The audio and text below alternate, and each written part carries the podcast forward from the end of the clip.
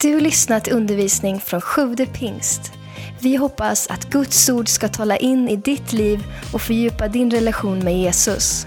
Besök gärna vår hemsida, www.sjuvdepingst.se.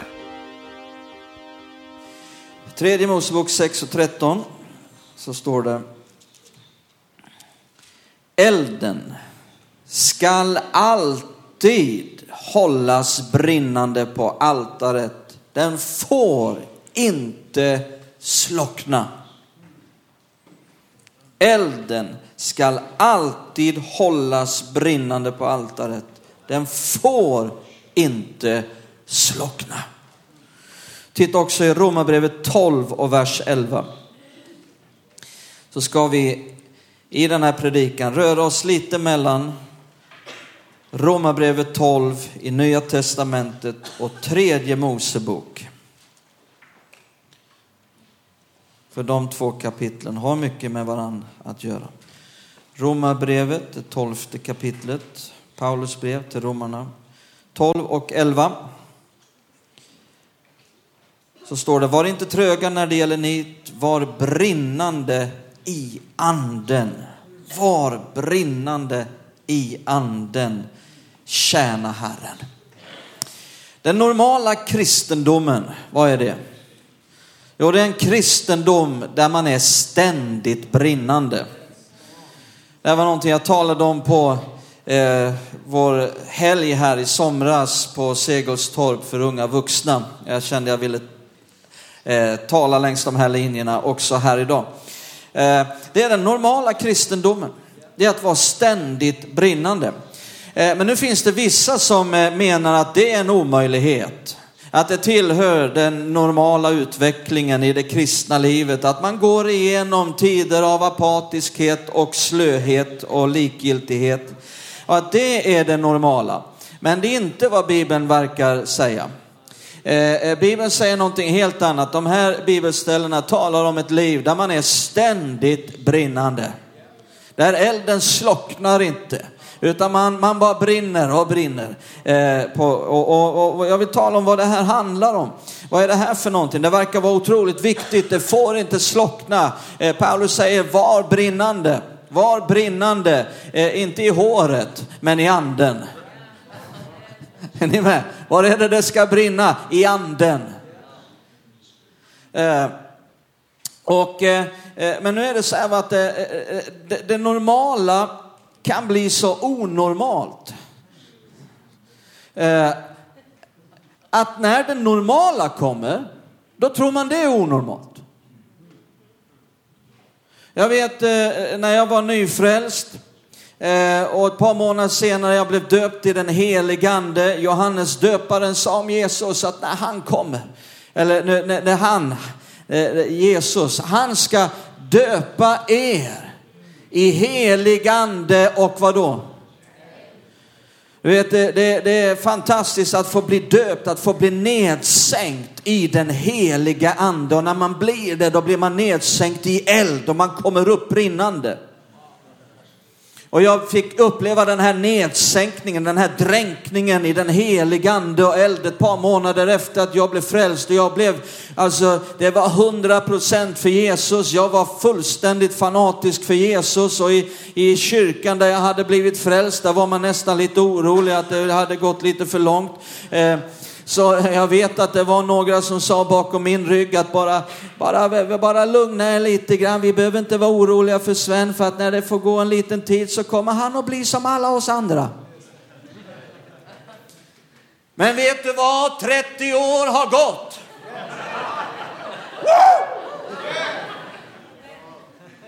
Och jag har inte blivit mindre brinnande.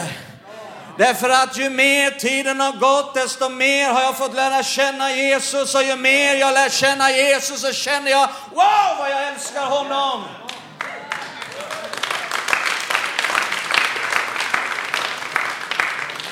Halleluja!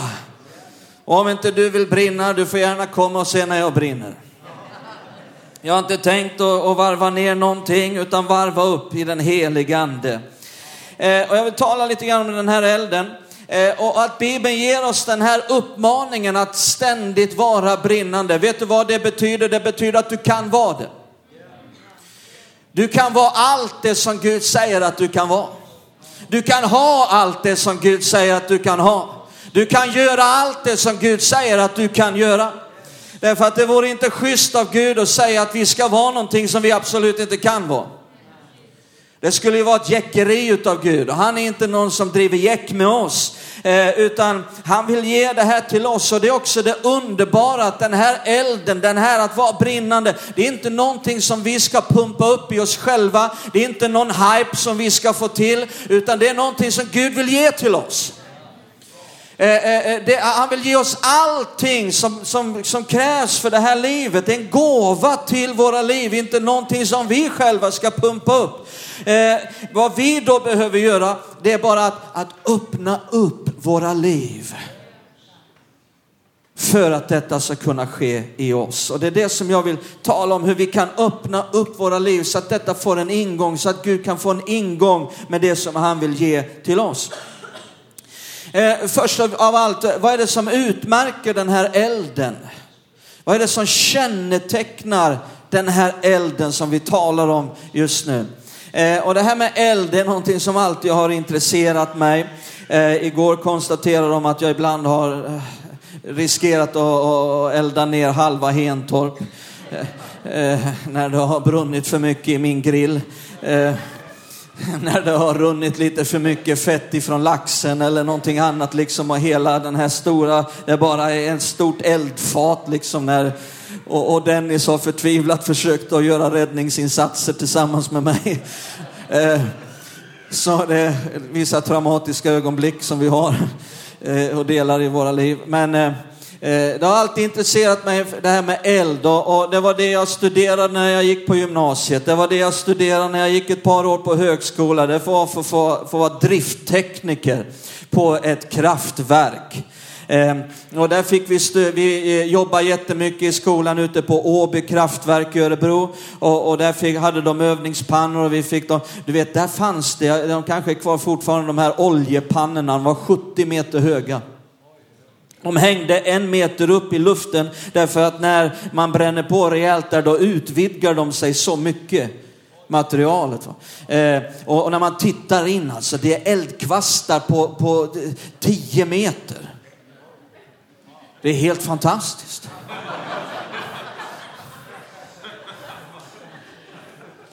Och det hade eh, liksom, man fick köra upp, man skulle elda och, och, och, det var helt... Så att jag har en, en utbildning inom det här med eld. Jag brukar säga om jag inte blev frälst skulle jag bli pyroman. Jesus förvandlar liv, tack Jesus för det. Eh, men vad är det som utmärker det här med eld? Så att, låt oss jämföra naturlig eld med den här andliga elden, elden i anden. Eh, eh, om vi jämför det med, Eh, eh, med den naturliga elden, vad, vad, vad är eld för någonting? Eh, ja, vad har vi eld till? Eld har vi väldigt mycket till att, att skapa värme. Eller hur? Den naturliga elden värmer. Och på samma sätt så skapar den andens eld, den heliga andens eld, den skapar värme, men den sprider sin värme, inte i det fysiska, men i det andliga. Och där den här elden inte finns, där blir det kallt. Och, och, och, och, Guds tanke är inte att vi ska vara kristna som går runt och är kalla som kylskåp. Och när människor möter oss liksom och tittar in i våra liv så möts de av en kyla. Är det inte underbart att få möta kristna människor som är fyllda av värme? När du möter dem, du kanske har, eh, känner dig lite frusen i ditt i själsliga, andliga liv och så möter dem och du känner hur du tinar upp. Du känner hur du bara får möta värme. Det handlar den heliga andes eld om, den här värmen i det andliga området. Eh, eh, eh men då kanske det är någon som säger, ja men eh, nu för tiden så har vi element och vi, vi har golvvärme och vi, vi, vi, vi behöver ju liksom, värmer oss ju inte så mycket med eld längre. Jo, jamen. Det är precis vad vi gör. Därför att eh, om du ska få el till ditt hus eller du ska få fjärrvärme, vatten till, till ditt hus, gissa var det kommer ifrån? Det, det kommer ju från kraftverket. Och vad gör man där? Där eldar man. Eh, där eldar man på rejält liksom. Och, och, och, så att fortfarande idag så, så liksom finns de här, den här eldningen i ett kraftverk och så genererar det elektricitet ifrån en turbin och en generator och ånga och hela rubbet liksom. Och så finns det el ut på elnätet. Så vi använder fortfarande eld i vår tid. Det är ju som den här gamla tanten hon sa, vad ska vi med den där kärnkraften till? Vi har ju elektricitet.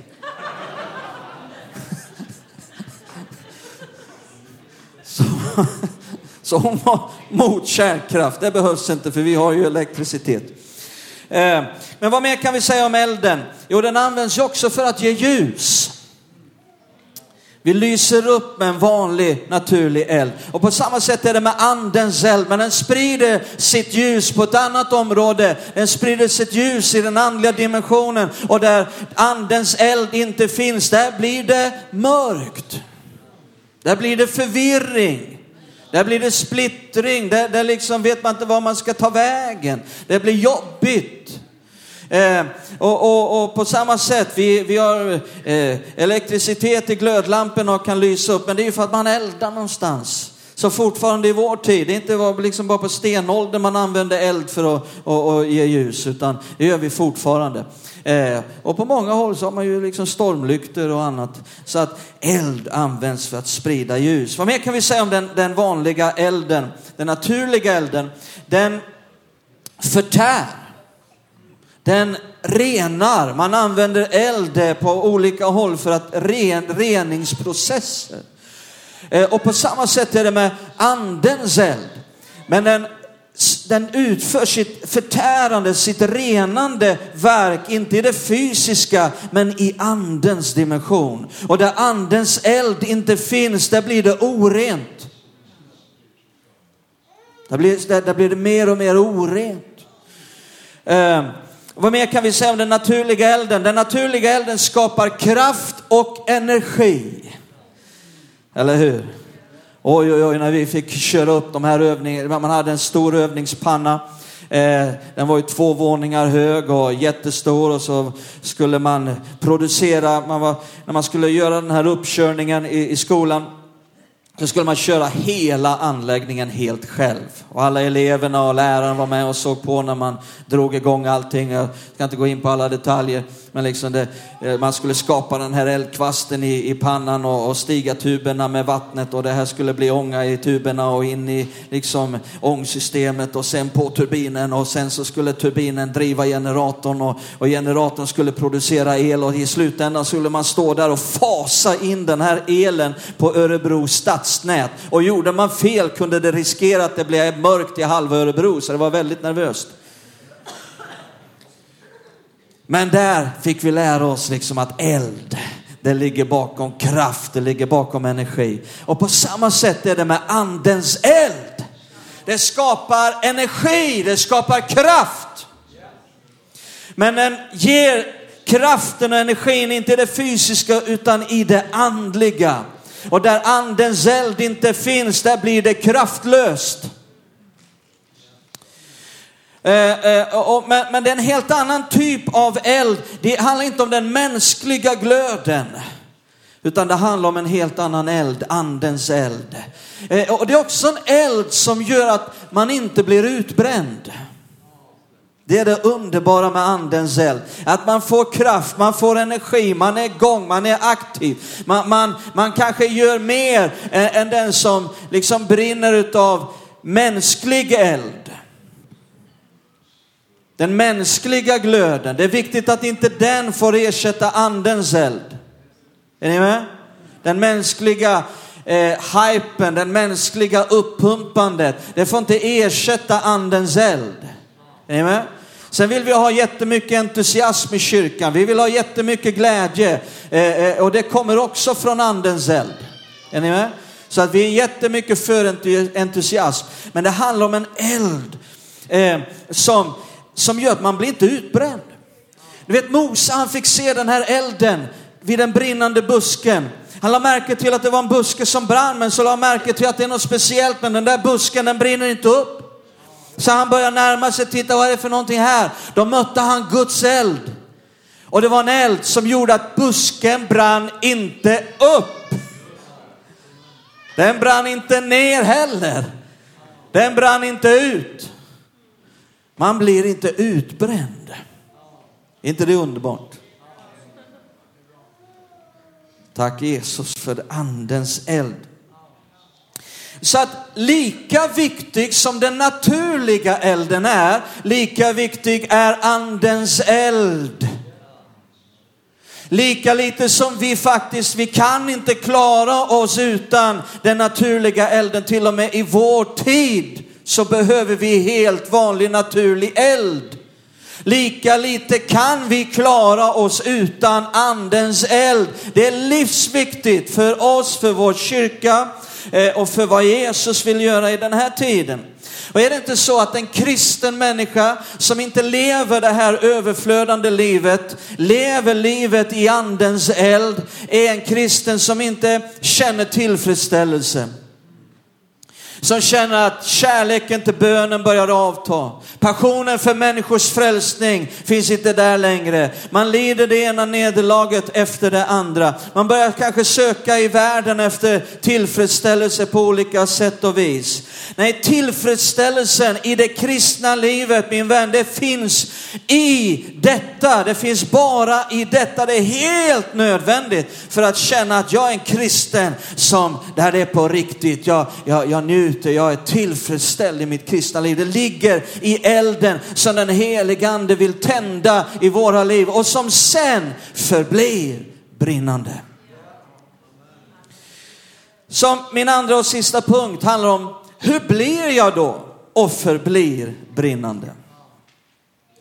Och då ska vi gå tillbaka till tredje Mosebok. Och så ska vi se vad det var som var förutsättningar för att Guds eld skulle falla. För att Guds eld skulle orsaka att det började brinna. Tredje Mosebok 9 och 22 till 24. Och Aron lyfte upp sina händer över folket och välsignade dem. Översteprästen. Därefter steg han ner sedan han hade offrat, lägg märke till nu, nu syndoffret, brännoffret och gemenskapsoffret. Och Mose och Aron gick in i uppenbarelsetältet. Sedan gick de ut igen och välsignade folket. Då visade sig Herrens härlighet för allt folket. Eld, kan han säga eld? Eld gick ut från Herren och förtärde brännoffret och fettstyckena på altaret. När allt folket såg detta jublade de och föll ner på sina ansikten. Vill man ha en överkurs sen när du går hem så fortsätt in i kapitel 10 så handlar det om den mänskliga glöden som Gud inte accepterade. Men det är en annan story, vi tar inte det idag.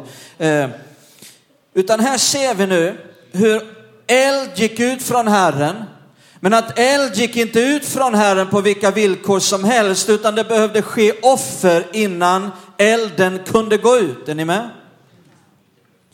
Och nu är vi inne här i tredje Mosebok, det är lagar, det är mycket som många kan känna är lite svårt att relatera till och förstå. Offer, syndoffer, brännoffer, gemenskapsoffer.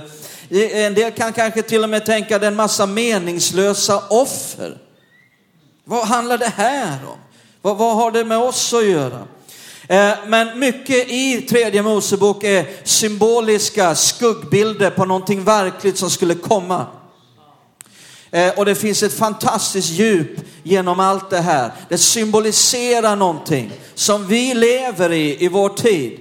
Eh, och, och syndoffret eh, och sen har vi brännoffret och sen har vi gemenskapsoffret. Tre stycken offer som var tvungna att offras innan elden från Herren gick ut. Och det kommer att tala till oss om hur blir jag brinnande? Hur kan jag förbli brinnande? Om vi tittar först utav allt på syndoffret. Vad är det för någonting? Ja, syndoffret, det är ju en symbolisk skuggbild på när Jesus Kristus offrades för dig. Han var syndoffret. Det var han som blev gjord till din och min synd. Eh, det här har redan skett. Men bara för att det här har redan skett, att Jesus har dött, eh, det betyder inte att andens eld börjar brinna i ditt liv, utan du måste få ett personligt förhållande till Jesu offer. Är ni med?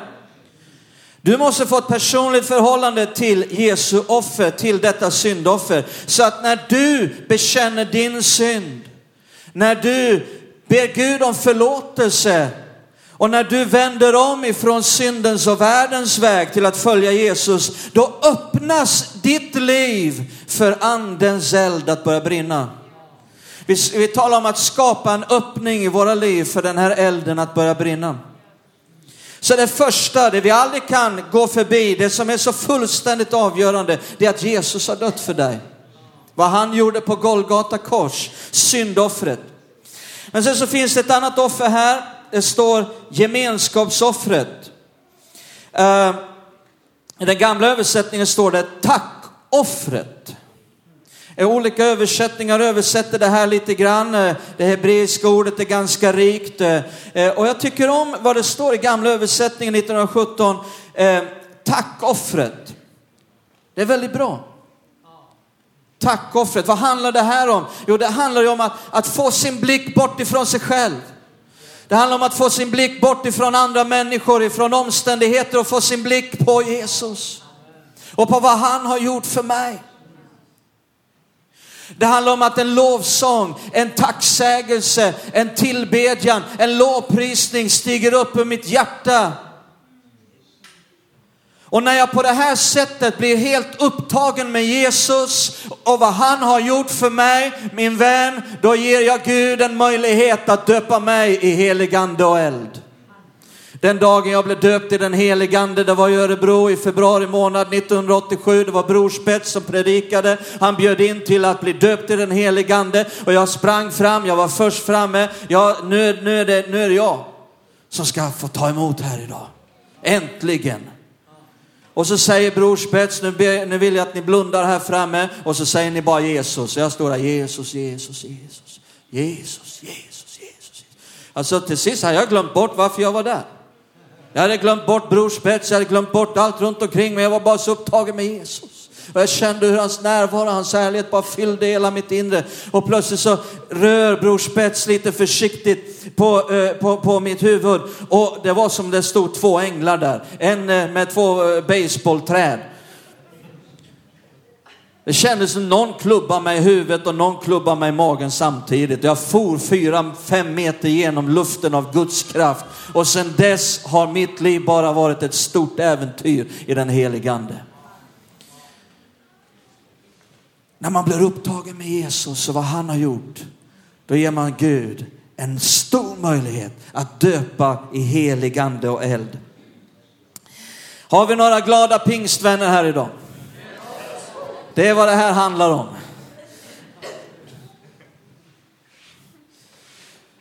Men här står det gemenskapsoffret och det är också så bra.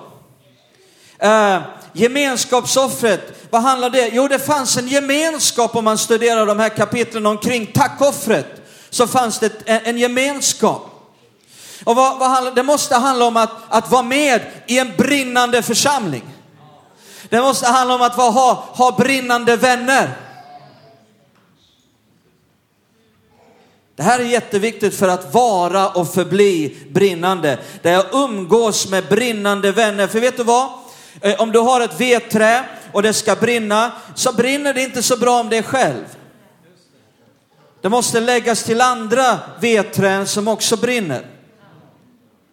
Vill du förlora andens eld i ditt liv, så lägg ut dig själv i världens kyla bland en massa iskalla, tomma plåtburkar.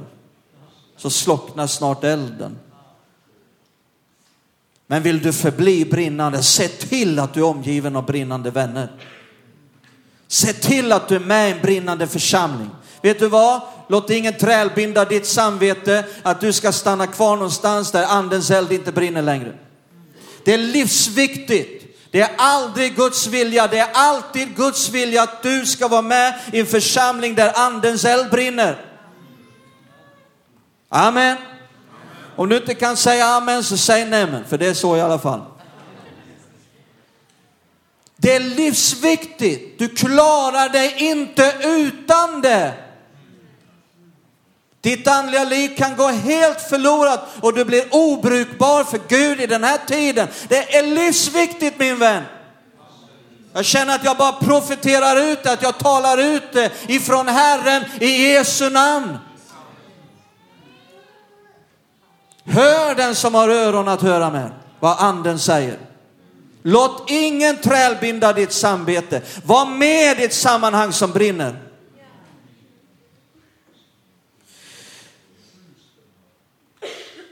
Brännoffret. Aron offrade syndoffret, han offrade gemenskapsoffret, tackoffret, men så kom också brännoffret. Vad är brännoffret? Om du studerar några kapitel tidigare där det handlar om brännoffret i, i det kapitlet eh, så står det heloffer. Vad var ett annat begrepp. Heloffer. Eh, eh, eller det beskrivs som ett heloffer. Titta här i, i kapitel 1, tredje Mosebok kapitel 1.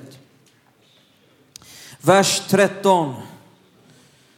Det här handlar om brännoffret. Det är rubriken på det här kapitlet. Och då står det om brännoffret i kapitel 1, vers 13. Men inälvorna och fötterna skall tvättas i vatten och därefter skall prästen offra allt samman. Kan alla säga allt samman? Heloffer, alltihop. Bränna det på altaret. Det är ett brännoffer, ett eldsoffer till en ljuvlig doft för Herren. Så vad handlar det här om då? Ja, vi går tillbaka till Romarbrevet 12. Kommer ni ihåg det? Vi läste där, var brinnande i anden. Och då är det det speciella att Paulus har redan tidigare i kapitlet talat om precis det här. Det är ingen slump för Paulus att han talar om de här sakerna i samma kapitel som han talar om att vara brinnande i anden så talar han också om ett offer i vers 1. Titta i vers 1. Så förmanar jag nu er bröder vid Guds barmhärtighet att frambära era kroppar som ett levande, inte ett dött, ett levande och heligt offer som behagar Gud, er andliga gudstjänst. Och sen står det några verser senare, var brinnande i anden. Så brännoffret, det handlar, syndoffret handlar om hur Jesus gav sitt liv. Tackoffer, gemenskapsoffer, men sen kommer också ett annat offer som blir nödvändigt för att andens eld ska börja brinna och förbli brinnande i våra liv. Och det är att vi frambär oss själva som ett offer, där vi ger våra liv till Gud. Där vi säger vad du än vill att jag ska göra, det gör jag. Hur du än vill använda mig så är jag ett villigt redskap. När du vill använda mig, jag är redo. Vart du än vill sända mig, jag går. Och det är min stora glädje att få göra det. Och det är på det här altaret som Guds eld faller. Vet du vad? Tomt altare, där faller inte någon Guds eld. Men där det finns ett offer som är välbehagligt inför Gud. Där det finns ett hjärta som ger uttryck för det här. Där skapas en öppning för Guds eld att, att fylla den människan och att den människan sen får förbli brinnande. Så frågan är, hur mycket får det kosta? Vilket pris är du villig att betala? Vi hörde om Algeriet, de betalar ett väldigt högt pris för sin tro. I veckan här fick jag ett mejl ifrån en som bor uppe i nordöstra Algeriet. Han satte dem i fängelse för fyra, fem år sedan. På ett sjuårigt straff. För att han är kristen. De tyckte att han hade smädat Mohammed eller vad det var. De hittar på. Men han sitter där för sin tros skull. Det är jättefarligt i det landet. Eh, att vara kristen, men de betalar ett pris. För, de är, för Jesus har betalat någonting som är mycket högre. Men nu var det så här med de här prästerna i gamla testamentet tredje Mosebok, att det räckte inte med att de offrade ett brännoffer en gång, utan lagen var att de skulle offra varje dag. Hela tiden. För att elden får inte slockna. Den måste hållas brinnande. Och hur hålls den brinnande? Genom att fett hela tiden skulle rinna ifrån de djur som offrades. Och så hölls det brinnande. Så att, eh, och på samma sätt säger Jesus att om någon vill följa mig, sa Jesus. Finns det någon här som vill följa Jesus? Jesus sa om någon vill följa mig, om någon vill följa mig så, så får han ta sitt kors på sig var dag. Varje dag. Korset handlar om en, en plats av offer där Jesus skulle offra sitt liv. Men han säger vi har ett kors. Vi har också ett offer att ge. Och då sa han varje dag.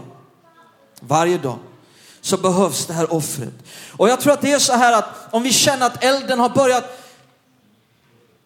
flämta, om vi känner att elden börjar brinna lite svagt i våra liv. Jag har varit där och lagt märke till, kanske du också har varit där och lagt märke till. Kanske du har varit där också och känt att det har varit så. Men så har du lagt ett nytt offer. Gud har talat om ett område i ditt liv. Den helige Ande har talat till dig om ett område i ditt liv och han har sagt ge dig själv på det området. Och du har gjort det. Vad har hänt då? Elden har börjat brinna igen. Ett nytt offer. Är ni med? Och titta här. Någonting mer som också prästerna behövde göra. Inte bara lägga ett nytt offer varje dag. Utan de behövde också skicka på lite ny ved. Ny ved varje dag. Och vad är veden? Jag är glad att du ställde frågan. Titta i Lukas 24. Ska, det här blir mitt sista bibelställe. Titta nu här, Lukas 24. Och 32. Det jag tror att veden representerar. I Lukas 24, 32, vi hittar Jesus, vi hittar två lärjungar efter att Jesus hade dött, att han hade blivit korsfäst och begraven. Så han uppstått från de döda. Och så går han och slår följe med två lärjungar som inte känner igen honom. Och Jesus han börjar gå igenom hela gamla testamentet. Och så talar han Guds ord till dem. Och då säger de här lärjungarna i vers 32, titta på det här nu. Och de sa till varandra, brann inte våra hjärtan. Vi talar om hjärtan i brand, en brand i anden. Brann inte våra hjärtan när, vad då, när då? När han talade med oss på vägen och öppnade skrifterna för oss. Vad orsakade att de kände, då började det brinna. Det var när gudsordet från Jesus gick in i deras hjärtan. Så jag tror att veden, det handlar om att ständigt, varje dag, låta gudsordet komma in i våra liv. Att vi tar in gudsordet varje dag. Det är någonting, en förutsättning. Det är det som lägger veden på altaret hela tiden. Se till att det sker i ditt liv. Du klarar det inte utan Guds hjälp. Så det handlar inte, och det handlar också om att, att lyssna på brinnande budskap. Det handlar om att lyssna på brinnande predikningar. Det handlar om att läsa brinnande böcker. Alltså fyll dig inte med iskalla böcker. Om du känner att du börjar läsa en kristen bok och du blir kallare och kallare, så bara lägg bort den. Du har ingen skyldighet att läsa det. Läs det som brinner. Halleluja. Se till att läs brinnande böcker och lyssna på brinnande eh, budskap. Så hur kan vi summera det här då? Jo, frågan är, hur ska jag kunna vara ständigt brinnande? Lyssna på mig noga nu. Vi kan summera det i att engagera dig i en brinnande församling. Ha brinnande vänner, gå på brinnande möten, lyssna på brinnande budskap, läs brinnande böcker. Min vän, du kommer att förbli brinnande. Tack Jesus. Tack för att du lyssnat. Glöm inte att du alltid är välkommen till vår kyrka. Du hittar mer info på www.sjuvdepingst.se